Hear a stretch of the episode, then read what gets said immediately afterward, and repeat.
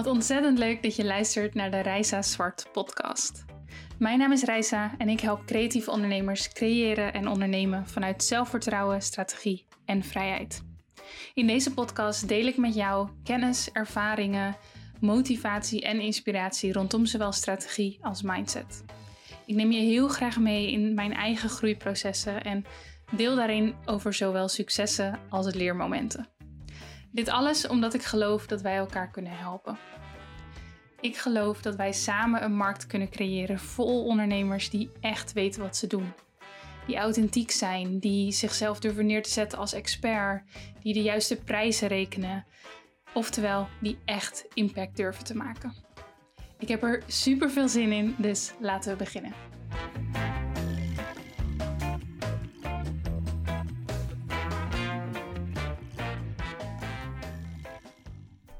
Hey, wat leuk dat je weer luistert. Ehm, dit is podcast aflevering 28. En ik was net even terug aan het scrollen op uh, Spotify door de vorige afleveringen. En ik zag dat de allereerste aflevering um, online is gekomen op 12 september 2020. En deze podcast die je nu luistert is uitgekomen op 4 oktober 2021. En dat betekent dat ik alweer meer dan een jaar deze podcast opneem. Ehm, en ik vind het heel tof om daar op, ehm, ja, op terug te kijken en daar een beetje bij stil te staan. Uh, niet te lang hoor, dat is niet waar deze podcast over gaat. maar ehm, ja, ik ben best wel uh, trots op wat ik inmiddels met deze podcast heb kunnen neerzetten. volgens mij ja, deel ik over uh, gevarieerde onderwerpen. En ik krijg altijd super veel fijne reacties van jullie. Of in ieder geval, ik krijg veel fijne reacties van jullie. En daar nogmaals heel erg uh, bedankt voor dat. Um, ik word er altijd uh, zo blij van. En ja, mijn doel met deze podcast is om jou te helpen om te creëren en te ondernemen vanuit meer strategie, zelfvertrouwen en vrijheid. En als ik maar een klein beetje mag bijdragen op die gebieden, dan ben ik helemaal blij. En dat is natuurlijk super leuk om dan van jullie terug te krijgen en dat te horen. Dus thanks daarvoor. Um, dan een hele, hele kleine, korte persoonlijke update. Um, ik, um, ik, ik, neem deze podcastaflevering trouwens iets eerder op dan dat die uitkomt. En dat is met name omdat ik aan het voorbereiden ben op onze reis. Onze volgende reis, moet ik zeggen. Um, en 10 oktober, dus nou ja, mocht je deze podcast enigszins luisteren op het moment dat die uitkomt, dan uh, is dat in die week eigenlijk. Hè? 10 oktober gaan Erik en ik richting Mexico. Voor een kleine anderhalve maand en daarna nog uh, naar Costa Rica voor een maand. Zijn we net voor kerst weer terug. En ik, um, oh, ik kan niet wachten om terug te gaan. En het is eigenlijk best wel erg en verwend en dat besef ik me absoluut. Um, want wij waren begin dit jaar, waren we daar nog, waren we ook in Mexico en Costa Rica. Um, om een klein beetje achtergrondinformatie te geven voor als je me nog niet zo lang volgt of nou ja, um, niet hebt meegekregen de vorige keer. Ik ben, um, dan moet ik even denken, ja, in 2020, september 2020, ben ik uh, op reis gegaan voor zeven maanden met mijn man Erik. En dat was iets wat we eigenlijk al een aantal jaar aan het plannen waren. Dat dreeg um, in het water te vallen vanwege corona, maar uiteindelijk zijn we toch gegaan.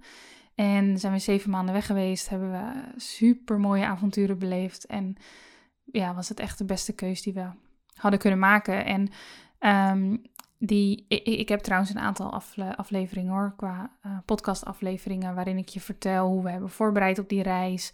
Uh, ik heb een aantal reisupdates opgenomen tijdens die reis. Dus mocht je dat interessant vinden, dan wil ik je vooral verwijzen uh, naar die podcastafleveringen. Um, maar wat, um, ja, wat, wat ik wil meegeven, we gaan dus nu weer op reis. Wij hebben een aantal jaar geleden de keuze gemaakt om eigenlijk samen als doel te hebben om zo locatie onafhankelijk mogelijk te worden. En uiteindelijk ook financieel onafhankelijk. Um, maar ja, locatie onafhankelijk in de zin van dat we, weet je, we hebben een koophuis in Nederland en we, we, wonen hier super graag. Ik vind het heel erg fijn om dicht bij onze familie te zijn, onze vrienden. Um, maar we willen ook de vrijheid hebben om ja, um, één keer in zoveel tijd een paar maanden naar het buitenland te gaan. Of kan ook korter, maar gewoon de vrijheid te hebben om te zeggen: we gaan nu en onze eigen agenda op die manier in te delen. dat is nu zo. Um, en eigenlijk dus nog niet heel lang, want dat is echt een beetje begin vorig jaar geweest dat, dat mijn man ook zijn eigen bedrijf is begonnen en dat soort dingen. Dus dat is wel heel erg bijzonder. We gaan nu dus weer bijna. En mocht je het leuk vinden om dat te volgen, dan nodig ik je zeker uit om mij te volgen op Instagram, Zwart. En daar deel ik reisupdates, maar natuurlijk ook blijf ik gewoon delen over uh, business dingen, persoonlijke ontwikkeling, over deze podcast. Ehm, dus ja, mocht je dat interessant vinden, check dat zeker even. En wat ik vandaag met jullie wil gaan delen zijn een aantal eigenlijk hele concrete en praktische tips over hoe je daadwerkelijk een effectief stuk content voor social media kan schrijven. Dus we gaan het eigenlijk hebben over het daadwerkelijke schrijven van de caption. En ik, um, ja, ik ga je eigenlijk uitleggen hoe ik denk dat een poster ongeveer uit zou moeten zien. En je kunt die structuur dan aanhouden om vervolgens zelf ook jouw uh, social media posts effectiever te maken. En um, waarom ik dit deel, mijn, mijn doel daarmee is, is dat je beter snapt hoe posts in elkaar zitten. En dat zul je dan waarschijnlijk ook gaan herkennen bij uh, mensen die je volgt, die bijvoorbeeld hele sterke captions schrijven. Um, en um, ja, ik hoop dat door te weten hoe dat in elkaar zit, dat je jouw posts, eigenlijk posts, sterker kunt maken. En dat je ze ook sneller kunt schrijven. Dus dat je er misschien minder mee struggelt. En natuurlijk het allerbelangrijkste, dat ze uiteindelijk meer resultaat geven. Dus dat ze jouw klant beter raken. Jouw ideale klant, jouw ideale volger. Uh, maar dat ook meer mensen ze zien, doordat er meer engagement is en dat soort dingen. Dus daar gaan we uiteindelijk op inzoomen. Um, ik ga het dus vandaag niet per se heel erg over de inhoud hebben. Um, dus ik ga niet per se delen wat deel je nu op social media. Is niet helemaal waar. Ik ga het daar straks wel even over hebben. Maar de kern van het verhaal is uiteindelijk hoe organiseer je nu die post? In welke structuur zet je dat op? En dat kun je dan zien op Instagram, maar dat kun je net zo goed toepassen op Facebook of uh, LinkedIn. Ook al is dat een beetje een ander uh, platform, je kunt wel enigszins dezelfde structuur daar ook aan houden. Um, dus dat gaan we uiteindelijk doen. Ehm, maar kort wil ik dus wel heel even inhaken op die inhoud. Want ik weet dat um, ja, veel creatieve ondernemers het lastig vinden wat ze moeten posten. En vervolgens dan ook hoe giet ik dat dan in een juist format, zeg maar. Dus ik ga over beide wat, uh, wat meegeven. Um, en als allereerste en allerbelangrijkst vind ik het belangrijk om te noemen dat um, dit is heel erg ingezoomd. Dit is een heel praktisch iets. En hetgene wat ik vandaag meegeef, met name dus dat, dat, dat laatste stuk, dus de, echt de specifieke tips van hoe schrijf je nou zo'n post en hoe geef je die een bepaalde structuur mee, zodat hij het beste, het, het beste doet eigenlijk, dat zie ik een beetje als een marketingtrucje. Misschien kan ik een beetje weglaten. Ik zie dat als een marketingtrucje. En ik zeg marketingtrucje niet in negatieve zin.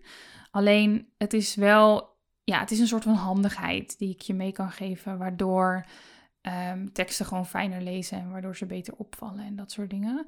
Maar wat ik wel belangrijk vind om te noemen, is dat dit niet de basis is van marketing. En dat je er dus ook weer niet al te zwaar aan moet tillen. Um, nu denk je, ja, waarom al die nuance? Ja, ik vind dat dus wel belangrijk, omdat ik toch nog te vaak zie dat ondernemers zichzelf een beetje verliezen in de trucjes. En waarmee ik dat dan met name zie, is dat mensen ehm, heel erg fel zijn of gewoon heel erg veel bezig zijn met, oh, maar je moet per se die hashtags gebruiken op Instagram. Of moet je nu wel of niet een linktree in je bio hebben. Um, ja, ja zo, zo kan ik nog een aantal dingen noemen. Maar van die soort van hele specifieke kleine dingetjes waarvan ik denk, ja, tuurlijk, er is van alles voor te zeggen. En ik weet dat er specialisten zijn die daar ook van alles over zeggen. En ehm, je mag je daar gerust druk over maken. Alleen zorg wel dat alles daarvoor dan goed staat, dat de basis goed staat. Want als de basis niet goed staat, als de fundering van jouw bedrijf niet klopt, eigenlijk de fundering van jouw marketing in deze, dan heeft het niet zoveel zin om je heel druk te maken om dat soort dingen. Dus ik ga je nu meegeven uiteindelijk hoe je zo'n post beter kan schrijven. Maar ik zou het zonde vinden als je dan vervolgens denkt dat daar alles van gaat afhangen. Want dat is dus niet zo.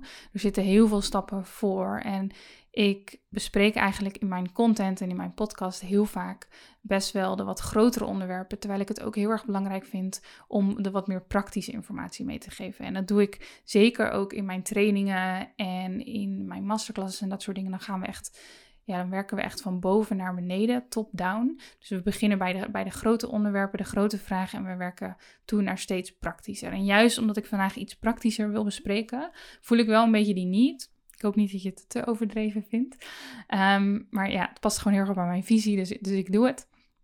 Ehm, maar om je echt te beseffen dat hier niet je succes van afhangt. Ja, het is fijn. Ja, het gaat je helpen. Maar als jouw, ik zeg maar jouw website bijvoorbeeld vervolgens niet goed staat, uh, niet goed converteert, dan ja, kan je nog zoveel tijd besteden aan een goed geschreven post. Dan gaat er uiteindelijk niet zoveel gebeuren. Of er gebeurt uiteindelijk wel iets, maar je moet er eigenlijk veel te hard voor werken. Dus nogmaals, het is een soort van marketing trucje. En um, dit is ook wel een bredere boodschap om daar dus beter op te letten. Van hey, focus ik me wel op de juiste dingen en focus ik me, ja, weet je. Ik denk dat het gewoon niet heel veel zin heeft om heel, heel, heel, heel veel tijd aan hashtags te besteden of iets dergelijks. Uh, terwijl je beter met andere dingen bezig kan zijn. Als je alles hebt staan natuurlijk, dan mag je lekker obsessen over dat soort dingen. Um, ja, waarom geef ik dit dan toch mee? Nou, omdat ik wel denk dat, um, dat, dat heel veel creatievelingen hier tegenaan lopen en dat ze het lastig vinden om te schrijven. Dus vandaar dacht ik, ik ga het een keer wat praktischer aanpakken in de podcast. En um, ik zei net al, hè, zorg dat de fundering van je bedrijf sterk staat. Als ik kijk naar uh, ondernemers die hun social media content scherp hebben staan, die het echt goed doen, die echt veel engagement krijgen, die converteren, um, dan um, zijn dat ondernemers die hun fundering heel sterk hebben staan. En die fundering van het bedrijf, dan denk ik aan heel goed weten wat je doet, waarom je dat doet en voor wie je dat doet. Maar bijvoorbeeld ook dat je echt goed hebt nagedacht over jouw aanbod en dat je sterk kunt communiceren over dat aanbod op een manier die bij jou past en bij je ideale klant. Dat dat alles vertaald is naar een duidelijke website en dat je specifiek één marketingkanaal hebt gekozen, zeker om te starten, om jouw boodschap te verspreiden. En dat je daar je best doet om een stukje no, like en trust toe te passen. Oftewel dat mensen jou leren kennen, leuk gaan vinden, dat ze je leren vertrouwen. En dat je vervolgens ook wat directe sales af en toe doet. Dat zijn de dingen waar je je eerst, eerst eigenlijk op wil focussen. En ja, het gaat je helpen om de post beter te schrijven. En ja, als we nog even verder trekken, ik ga het daar dus niet over hebben, maar ja, het helpt ook om de juiste hashtags te gebruiken of om een locatie in te checken of dat soort dingen. Maar sta je daar niet op blind als je hier nog stappen in hebt te zetten. En echt bijna alle ondernemers hebben hier stappen te zetten. Um, ik weet dat het nogal veel is wat ik noem, maar mocht je dit nou interessant vinden, dan raad ik je aan om eens te luisteren naar bijvoorbeeld um, podcast nummer 3. Die gaat over een minimalistische marketingstrategie. Je zou ook eens kunnen kijken naar aflevering 11 over een onweerstaanbaar aanbod. Nummer 23 over uh, onmisbare elementen voor jouw website. En zo zijn er nog meer. Dus her en der vind je, vind je natuurlijk heel veel ja, informatie hierover in mijn podcast. Ik vind marketing ontzettend leuk. Ik vind het ontzettend tof om erover te delen. Um, dus ja, luister zeker even die, uh, die aflevering als je daar meer over wilt. Nogmaals, aflevering 3, 11 en 23 in ieder geval. En um, als je het nou heel erg lastig vindt om uh, die communicatie op orde te krijgen. Hè? Dus als je telkens maar merkt van ja, ik, ik ik weet eigenlijk niet waarom ik doe wat ik doe. Of ik kan het niet goed communiceren. Als je merkt dat je jezelf, dat je het lastig vindt om jezelf uniek en authentiek in de markt te zetten en dat soort dingen. Dan um, heb ik een hele fijne training daarover. Die heet Ondernemen vanuit authenticiteit. Um, en ja, als de dingen die ik net noemde, als dat triggert, als je iets, zoiets hebt van, oh ja, daar heb ik inderdaad nog wel dingen in te verbeteren, check die dan even. Ik heb daar al heel veel ondernemers mee mogen helpen. En um, ja, ik weet dat het echt een heel groot verschil kan maken op deze punten. En als je dat dus weet, en met name als je gewoon heel goed weet waar je voor staat en weet hoe je dat moet communiceren. daar helpt die training dus mee. Maar als je dat heel goed weet, dan wordt eigenlijk, worden al die kleinere stappen worden makkelijker. Dus dan wordt het makkelijker om ideeën te bedenken voor social media. Dan wordt het makkelijker om stories te maken. Dan wordt het makkelijker om um, jouw ideale klant aan te spreken, waar dan ook. En ehm, ja, dat is volgens mij dus de, de, de um, volgorde om het te doen. Eerst dat weten en dan pas focussen op die, die kleinere details. waarom focussen we dan toch vaak op de kleinere details? Ja, ik denk dat dat makkelijker is. Het is makkelijker om, na, om klinkt even heel lullig, om het algoritme de schuld te geven. Of om te denken, oh, ik gebruik gewoon niet de goede hashtags. Maar veel vaker zal het zitten in ehm, je aanbod en je communicatie daarover, wat net niet goed aansluit bij de ideale klant. En vaak met een paar kleine stappen, een paar kleine wijzigingen doet het dat al wel. Want ik weet eigenlijk zeker, want dit zie ik heel vaak, dat heel veel ondernemers op intuïtie al heel veel goed doen. Maar vaak mist er net ergens een schakel, waardoor het niet goed aankomt. Dus het is heel erg interessant om daar ja, naar te kijken. Zelf of met een coach of met zo'n training, waardoor je ehm, ja, dus uiteindelijk wel richting dat resultaat komt. Goed, als die fundering staat, dan ehm, kun je als het aankomt op social media, kun je eens gaan kijken naar contentcategorieën. Um, en contentcategorieën, daarmee kun je heel goed in banen leiden waar je over deelt op social media. Dus ze zijn eigenlijk een beetje een verlengde van ja, jou, jouw visie, hetgene wat jij wil bereiken voor jouw klant en jouw aanbod, in combinatie met jouw persoonlijkheid. En contentcategorieën zijn eigenlijk thema's waarbinnen jij content post. Thema's die, um, ja, gezamenlijk, die gezamenlijk eigenlijk jouw boodschap vertellen. En die, ja, dus die inhoud hebben die jouw ideale klant raakt en die er uiteindelijk voor zorgt dat zij met jou willen werken. Voorbeelden van um, contentcategorieën die je op social media zou kunnen gebruiken. Dus nogmaals, je kunt het ook thema's noemen. Maar zijn bijvoorbeeld uh, behind the scenes, foto's van je, foto's en teksten over jouw eindproduct, testimonials van klanten, uh, maar denk ook aan persoonlijke verhalen en anekdotes, de reizen die je maakt, de boeken die je leest. Uh, maar het kan ook uh, je partner, je huisdier, wat dan ook zijn. Um, en wat ik heel erg fijn vind om te doen, is dus een aantal van die thema's um, te kiezen voor mezelf. En vervolgens al mijn content daaronder te laten vallen. En dat zorgt aan de ene kant zorgt dat ervoor dat je niet al te breed gaat. Dus dat je gefocust blijft in de content die je deelt. En aan de andere kant levert het ontzettend veel ideeën op.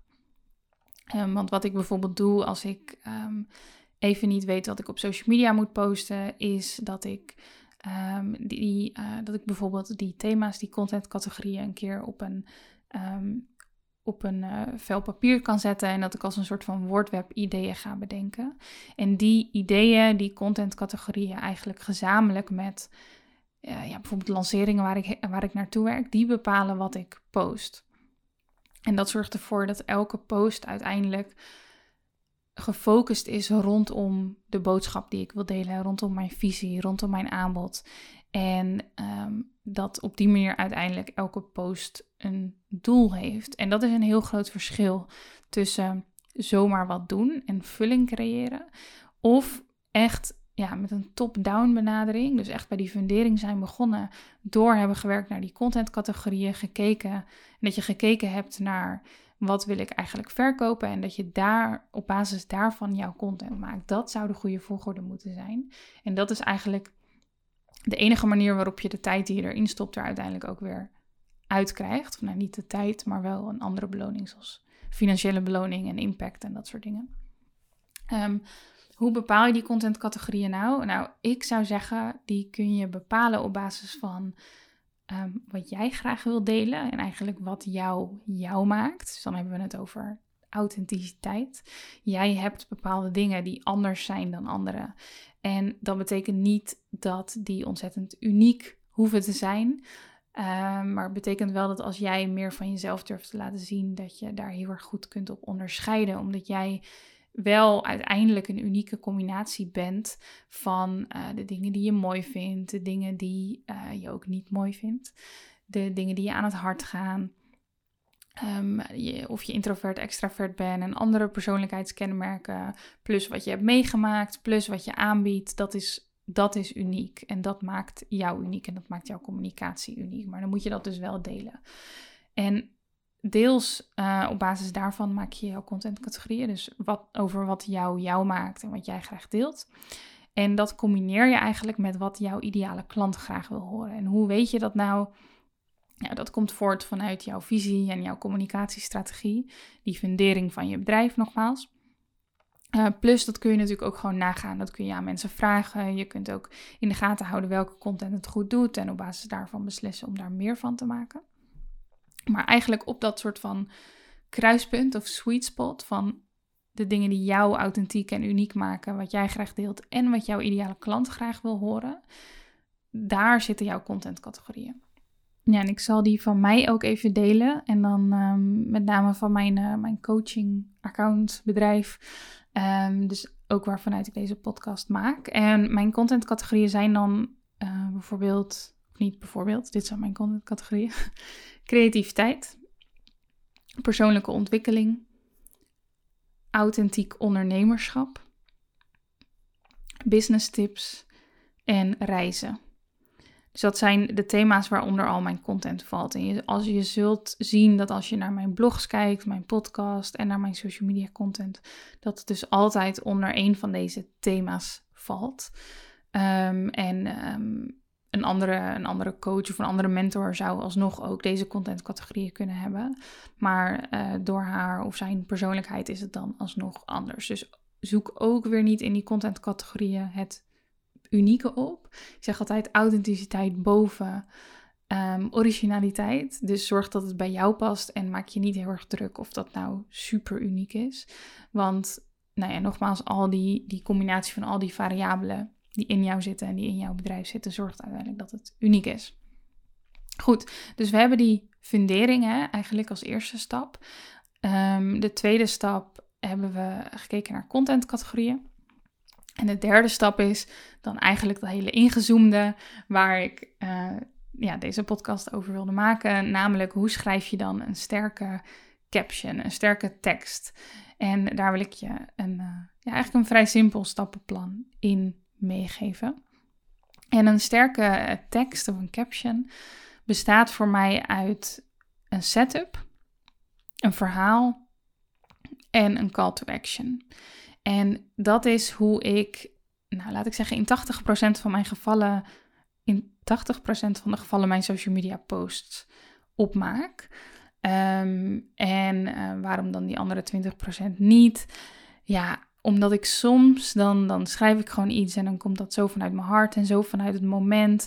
En dan is het gewoon zoals het is. En dan heb ik eigenlijk geen zin om het hieraan aan te passen. Ik ben ook best wel een beetje koppig en ik doe niet altijd alles volgens de regels. Um, maar um, ja, zeker 80% eh, probeer ik wel helemaal volgens dit principe te doen. Dus nogmaals, je hebt een setup, een verhaal en een call to action. En de setup van de post, oftewel de opening, die moet eigenlijk sterk zijn. Die moet triggeren om verder te lezen. Mensen uh, scrollen langs posts, als we bijvoorbeeld over Instagram hebben, en um, ja, zien de foto, het beeld en zien um, ja, de eerste zin of de eerste paar zinnen. En je wil dat mensen gelijk um, dat hun aandacht wordt getrokken. En ja, soms vind ik dat mensen daar een beetje te ver gaan. Dat het een beetje een soort van clickbait wordt. Dus dat mensen um, altijd maar schokkende dingen willen neerzetten of gekke dingen. Waardoor je denkt, oh, ik moet daarop klikken. En ik denk dat op een gegeven moment ook wel een beetje oud wordt, zeg maar. Um, dus je kunt dat heus wel af en toe doen. Maar je kunt op heel veel manieren triggeren. Dus je kunt iets onverwachts delen, maar je kunt ook iets grappigs, iets emotioneels. Uh, als eerste zin lezen. Je kunt direct een uitspraak doen die de kern van je post raakt. Je kunt een soort van titel maken, uh, maar je kunt ook zeker iets gebruiken wat vragen oproept. En dat zorgt er dus voor, die, die setup, dat intro wat direct de aandacht moet trekken. Dat zorgt ervoor dat volgers en potentiële klanten niet alleen maar doorscrollen, maar um, ja, die zin zien, die triggert en vervolgens echt de tijd nemen om jouw bericht te lezen. En nogmaals, wissel die manieren voornamelijk vooral ook af. Want als je te vaak hetzelfde doet, dan werkt het niet meer. En dan vinden mensen het misschien zelfs irritant. Plus, wat ik ook wel vind, ik, ik sta natuurlijk heel erg voor die authenticiteit. En wat ik heel erg merk is dat als mensen gewoon een aantal keer een post van jou hebben gelezen, of jou een tijdje volgen, en ze weten gewoon dat jouw content waardevol is, dan is dat ook vaak al, zeker voor dus de warme volgers, voor de mensen die je volgen, die jou kennen, is dat al trigger genoeg eigenlijk. Dan maakt het ze vaak niet eens uit wat de eerste zin is. Dan weten ze gewoon, oh, die en die heeft een post geschreven of die en die maakt een story of wat dan ook.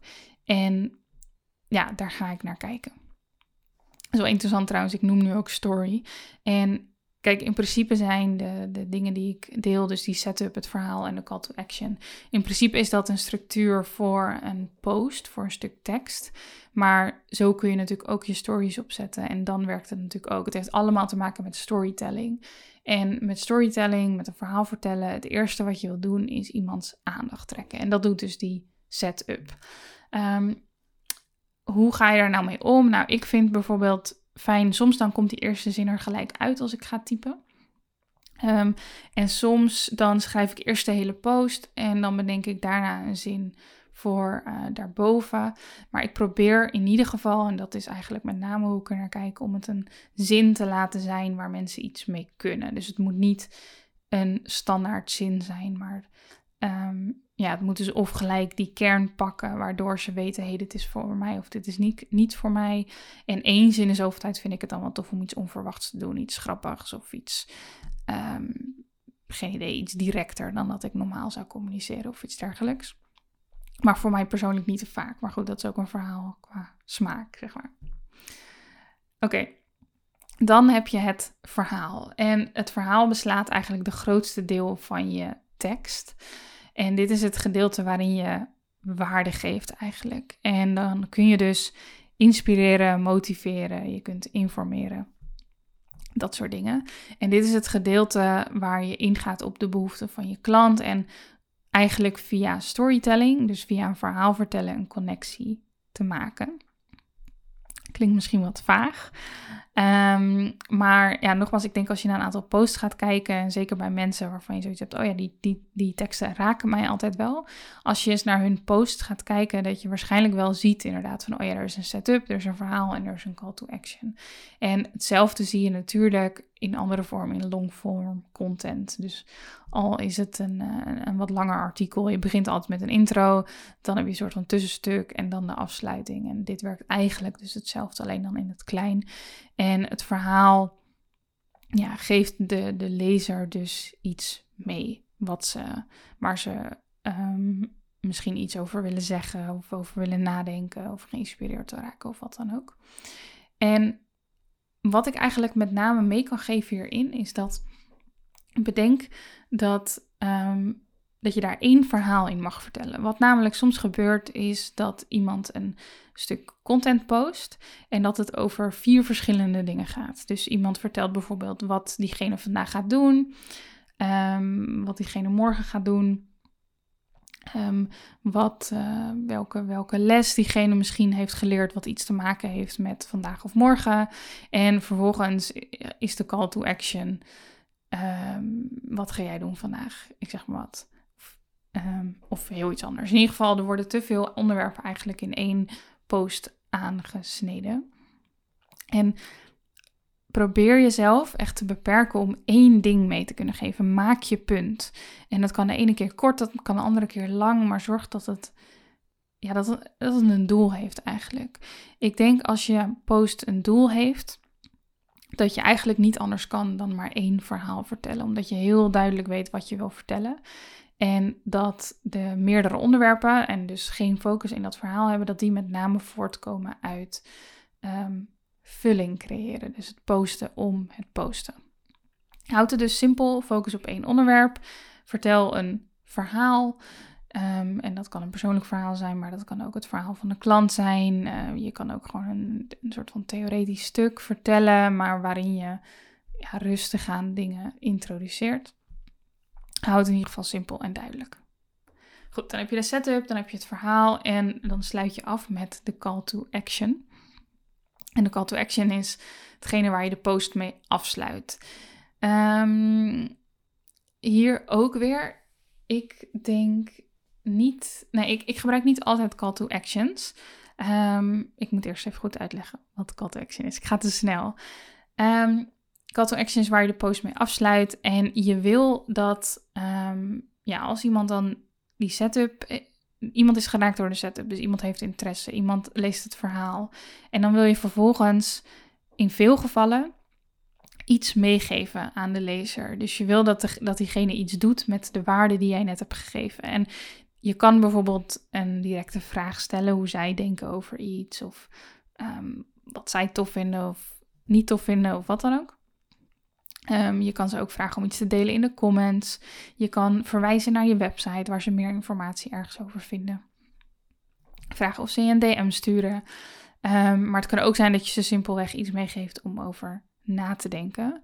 En dat betekent dan dus ook dat de call to action niet altijd zichtbaar is. Dat is in ieder geval mijn mening. Ik weet dat er ook genoeg marketeers zijn die zeggen: elke post moet je afsluiten met een call to action.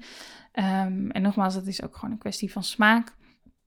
Ik vind het tof om het soms ook wel iets meer aan de verbeelding over te laten. Maar ik denk wel van tevoren na, wat wil ik eigenlijk dat deze persoon doet nadat diegene deze post heeft gelezen. Ehm, en als dat inderdaad iets heel concreets is, dan kan ik dat erbij zetten. En als dat een keer wat ehm, minder concreet is, of als het wat meer kanten op kan gaan, um, of als ik het gewoon niet zo voel om een call to action onder te, te zetten, heel eerlijk gezegd, dan, dan doe ik het niet. En de, het doel van een post kan natuurlijk ook simpelweg zijn dat ze iets onthouden. Hè? Dus dat jij, geen idee, iets, iets, iets deelt Ehm, wat jij een keer hebt meegemaakt of een inzicht wat jij had wat te maken heeft met jouw aanbod. En dat ze puur onthouden van, oh ja, jij hebt dat een keer meegemaakt en ik vond het tof hoe je daarover dacht. Dus dat kan ook de call to action zijn. En ik denk dus niet dat je dat er altijd dan expliciet bij hoeft te zetten. Ehm, maar ja, dat, dat, dat kan ook wel. Ik, ik, ik zie dat wat losser en ook hierin. Ik vind het als ik naar content van anderen kijk en het is altijd de triggerende setup, het verhaal en vervolgens een call to action met iets wat ik moet doen, dan word ik dat op een gegeven moment ook wel een beetje zat. Dus in alles is het gewoon tof om het af te wisselen. En bij mij is dus ook niet alle content op deze manier opgebouwd.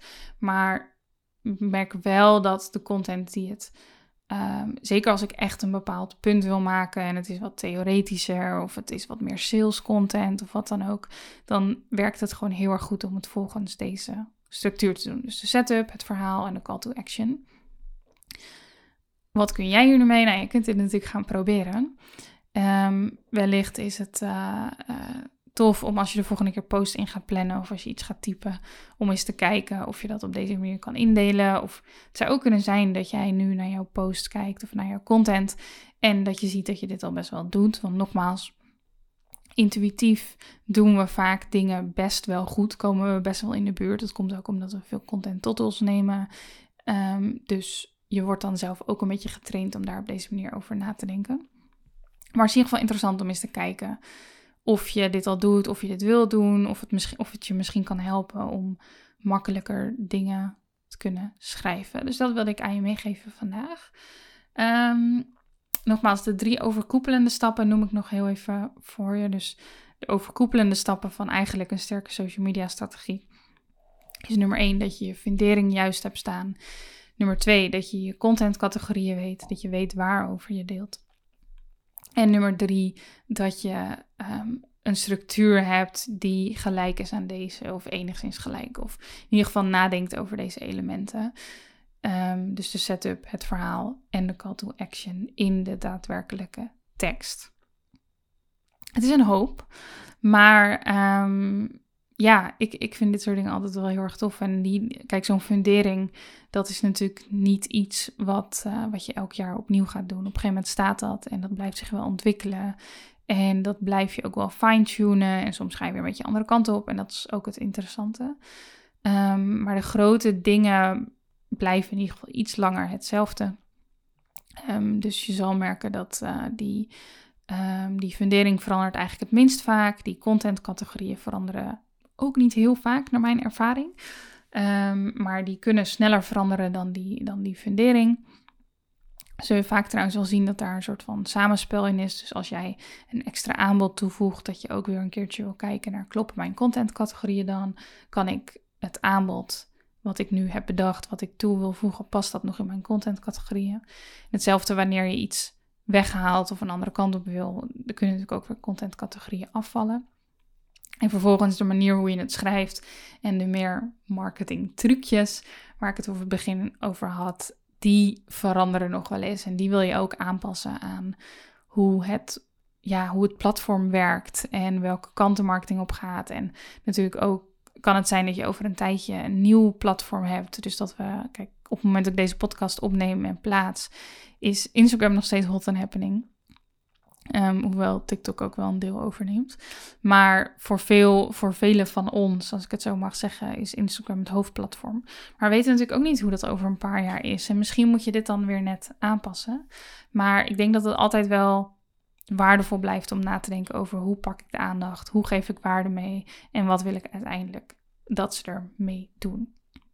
als je dat bedenkt bij de post die je maakt, dan um, ga je echt een betere return on investment zien. Dus je investeert tijd en ja, hetgene wat je daar uithaalt, dus die financiële beloning of de impact die je maakt of wat dan ook.